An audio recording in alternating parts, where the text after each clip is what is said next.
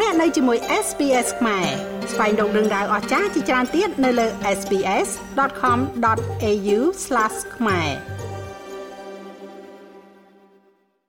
ប្រទេសអ៊ុយក្រែនបានក្លាយជាសមាជិកទី50នៃសន្ធិសញ្ញាមិត្តភាពនឹងដៃគូសហប្រតិបត្តិការអាស៊ីអាគ្នេយ៍ហៅកាត់ថា TAC របស់អាស៊ានជាផ្លូវការ។ ពិធីចុះហត្ថលេខាលើកិច្ចព្រមព្រៀងនេះបានធ្វើឡើងរវាងលោក Dmytro Kuleba រដ្ឋមន្ត្រីការបរទេសអ៊ុយក្រែននិងរដ្ឋមន្ត្រីការបរទេសកម្ពុជាលោកប្រាសុខុនក្នុងនាមជាប្រធានអាស៊ាននាថ្ងៃទី10ខែវិច្ឆិកាឆ្នាំ2022នៅសន្តាគារសុខាភ្នំពេញដែលជាកន្លែងប្រជុំកំពូលអាស៊ាននិងកិច្ចប្រជុំពាក់ព័ន្ធជាច្រើនទៀតនៅចុងសប្តាហ៍នេះនៅក្នុងប្រទេសកម្ពុជា។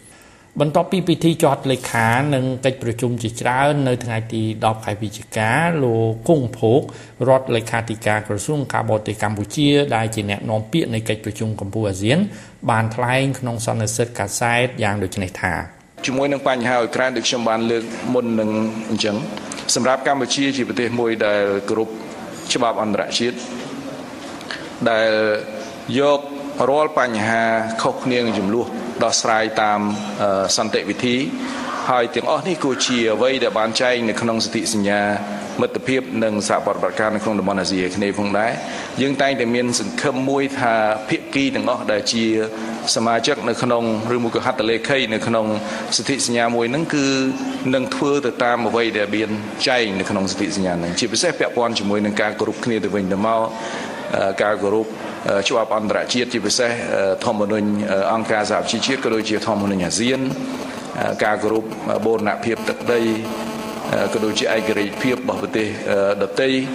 ហើយនឹងការមិនប្រើប្រាស់កម្លាំងឬមួយក៏ការគម្រាមកំហែងប្រើប្រាស់កម្លាំងជាដើមទាំងអស់នេះគឺជាមូលដ្ឋានគ្រឹះក្នុងការកសាងទំនាក់ទំនងមួយដែលស្ថិរភាពដែលមានលំនឹង ដែលសន្តិភាពហើយអាចថាជាមូលដ្ឋានគ្រឹះសម្រាប់ឲ្យដៃគូទាំងអស់ជាមួយអាស៊ាន ក្នុងការរួមគ្នាដើម្បីកសាងនិងអភិវឌ្ឍតំបន់យើងទៅមុខសម្រាប់អាស៊ានគឺយើងបើកទូលាយរាល់ការផ្ដួចផ្ដើមគំនិតអ្វីក៏ដោយដែលនាំទៅដល់ផលចំណេញទាំងអស់គ្នាពាក់ព័ន្ធជាមួយនឹងពាណិជ្ជកម្មពាក់ព័ន្ធជាមួយនឹងសេដ្ឋកិច្ចពាក់ព័ន្ធជាមួយនឹងវិនិយោគពាក់ព័ន្ធជាមួយនឹងទំនាក់ទំនងគ្រប់ជ្រុងជ្រោយ គឺយើងតែងតែសង្ឃឹមថាដៃគូរបស់យើងនៅពេលដែលគាត់ខ្លាយទៅជាអឺមិត្តភ័ក្តិរបស់យើងហើយគឺគាត់នឹងទាញប្រយោជន៍ចេញពីការសហការផ្សេងផ្សេងទៅលើវិស័យទាំងអស់នៅក្រោមការកសាងសហគមន៍អាស៊ានជាដើម លោកកុងភោគបានបន្ថែមថាអាស៊ាន គឺជាអង្គការតំបន់ដែលបើកចំហសម្រាប់កិច្ចសហប្រតិបត្តិការជាមួយបណ្ដាប្រទេសនានានៅលើវិស័យសេដ្ឋកិច្ចសង្គមវប្បធម៌ជាដើមហើយបណ្ដាប្រទេសទាំងនោះក៏ក្លាយជាដៃគូយុទ្ធសាស្ត្រគ្រប់ជ្រុងជ្រោយរបស់អាស៊ានគួររំលឹកថាសន្ធិសញ្ញាមិត្តភាពនិងកិច្ចសហប្រតិបត្តិការនៅអាស៊ីអាគ្នេយ៍ហៅកាត់ថា TAC ត្រូវបានបង្កើតឡើងក្នុងឆ្នាំ1976 សន្ធិសញ្ញានេះក៏មានបង្កប់នៅគោលការណ៍ជាសកលនៃការរួមរស់ដោយសន្តិភាពនិងកិច្ចសហប្រតិបត្តិការមិត្តភាពក្នុងចំណោមរដ្ឋក្នុងតំបន់អាស៊ីអាគ្នេយ៍ហៅកាត់ថាអាស៊ានអ៊ុយក្រែនចុះហត្ថលេខាលើកិច្ចព្រមព្រៀងជាមួយអាស៊ាននៅពេលនេះគឺធ្វើឡើងខណៈដែលរុស្ស៊ី បានចូលឈ្លានពានអ៊ុយក្រែនបង្កជាសង្គ្រាមចាប់តាំងពីថ្ងៃទី24ខែកុម្ភៈឆ្នាំ2022ក្នុងកិច្ចប្រជុំនៅកម្ពុជាពេលនេះលោកប្រធានាធិបតីរុស្ស៊ី Vladimir Putin មិនបានអញ្ជើញមកចូលរួមកិច្ចប្រជុំទេដោយបញ្ជូនត្រឹមតែរដ្ឋមន្ត្រីការបរទេសមកប៉ុណ្ណោះជាមួយគ្នានោះអាស៊ានក៏បានបដិសេធ នឹងការស្នើសុំរបស់ប្រធានាធិបតីអ៊ុយក្រែនលោក Volodymyr Zelensky ដែលចង់ថ្លែងសន្ទរកថាតាមប្រព័ន្ធវីដេអូចូលមកក្នុងវេទិកានៃកិច្ចប្រជុំដែលកម្ពុជាធ្វើជាម្ចាស់ផ្ទះនៅពេលនេះលោកគង់ភោគរដ្ឋលេខាធិការក្រសួងការបរទេសកម្ពុជានិងជាអ្នកនាំពាក្យនៃកិច្ចប្រជុំកម្ពុជាអាស៊ានបានបញ្ជាក់យ៉ាងដូចនេះថាពាក់ព័ន្ធជាមួយនឹងការស្នើសុំរបស់អ៊ុយក្រែនដើម្បីថ្លែងសន្ទរកថានៅក្នុងកម្មវិធីបើក ជាទូទៅរាល់ការសម្រេចចិត្តទាំងអស់នេះគឺឆ្លងតាមរយៈកុងសង្ស៊ីហើយម្យ៉ាងក្នុងនាមជាភ្ញៀវសម្រាប់ប្រធានអាស៊ានជាទូទៅគឺអាចចូលរួមនៅក្នុងកម្មវិធីបើកកម្មវិធីដែលមិនពាក់ព័ន្ធជាមួយនឹងកិច្ចប្រជុំជាក់ស្ដែងរបស់អាស៊ានដូច្នេះនៅក្នុងករណីនេះគឺយើងមិនមិនមានស្ថានភាពនឹងទេដូច្នេះគាត់នឹងមិនអាចថ្លែងសន្ទរកថានៅក្នុងកម្មវិធីអីមួយនៅក្នុងកិច្ចប្រជុំកំពូលកិច្ចប្រជុំកំពូលពាក់ព័ន្ធឡើយ ដែលឡៃពាក់ព័ន្ធជាមួយនឹងវត្តមានរបស់រដ្ឋមន្ត្រីការបរទេសអ៊ុយក្រែនកន្លែងនេះខ្ញុំចង់គូបញ្ជាក់បន្តិចដែរថាក្នុងនាមយើងជាប្រធានអាស៊ានគឺយើងព្យាយាមជួយឲ្យអស់ពីលទ្ធភាពដោយសារហេតុអីគឺយើងមើលឃើញពីសារៈសំខាន់នៃការកសាងសន្តិភាពនិងរក្សាសន្តិភាពសម្រាប់តំបន់យើងមូលហេតុចម្បងដែលធ្វើឲ្យយើងមានការរីកចម្រើនមកទល់ពេលនេះគឺដោយសារតែយើងមានសន្តិភាពនិងស្ថិរភាពដែរ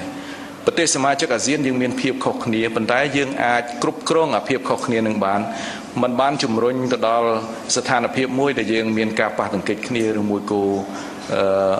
រហូតដល់ប្រើប្រាស់កម្លាំងប្រដាប់អាវុធយើងមានចំណុចខុសគ្នាប៉ុន្តែយើងអាចជជែកគ្នានៅតុចរចានៅកិច្ចប្រជុំបានជាដើម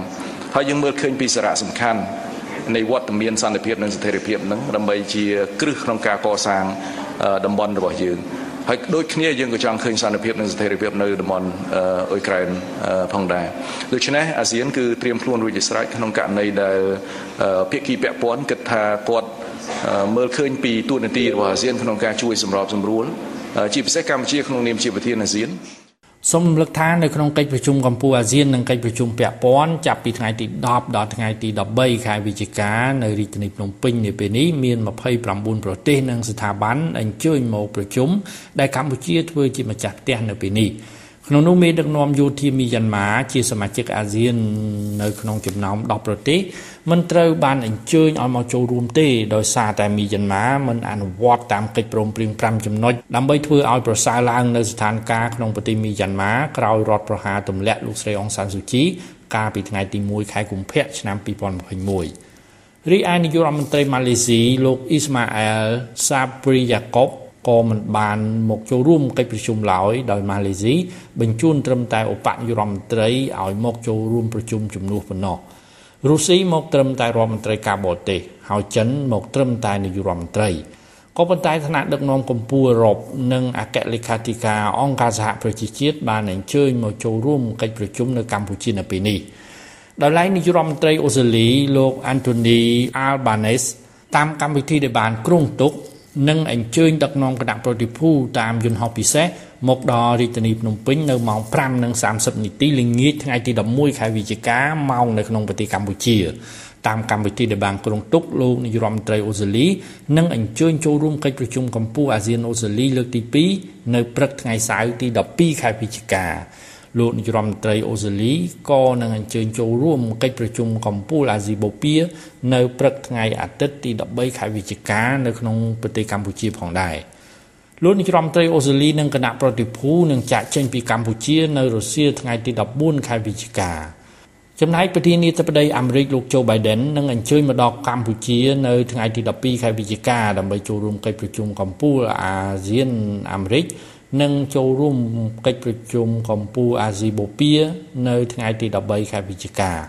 តាមកម្មវិធីដែលបានក្រុងទុកបន្ទាប់ពីបិទបញ្ចប់កិច្ចប្រជុំកម្ពុជាអាស៊ាននិងកិច្ចប្រជុំពាក់ព័ន្ធនាល្ងាចថ្ងៃអាទិត្យទី13ខែវិច្ឆិកា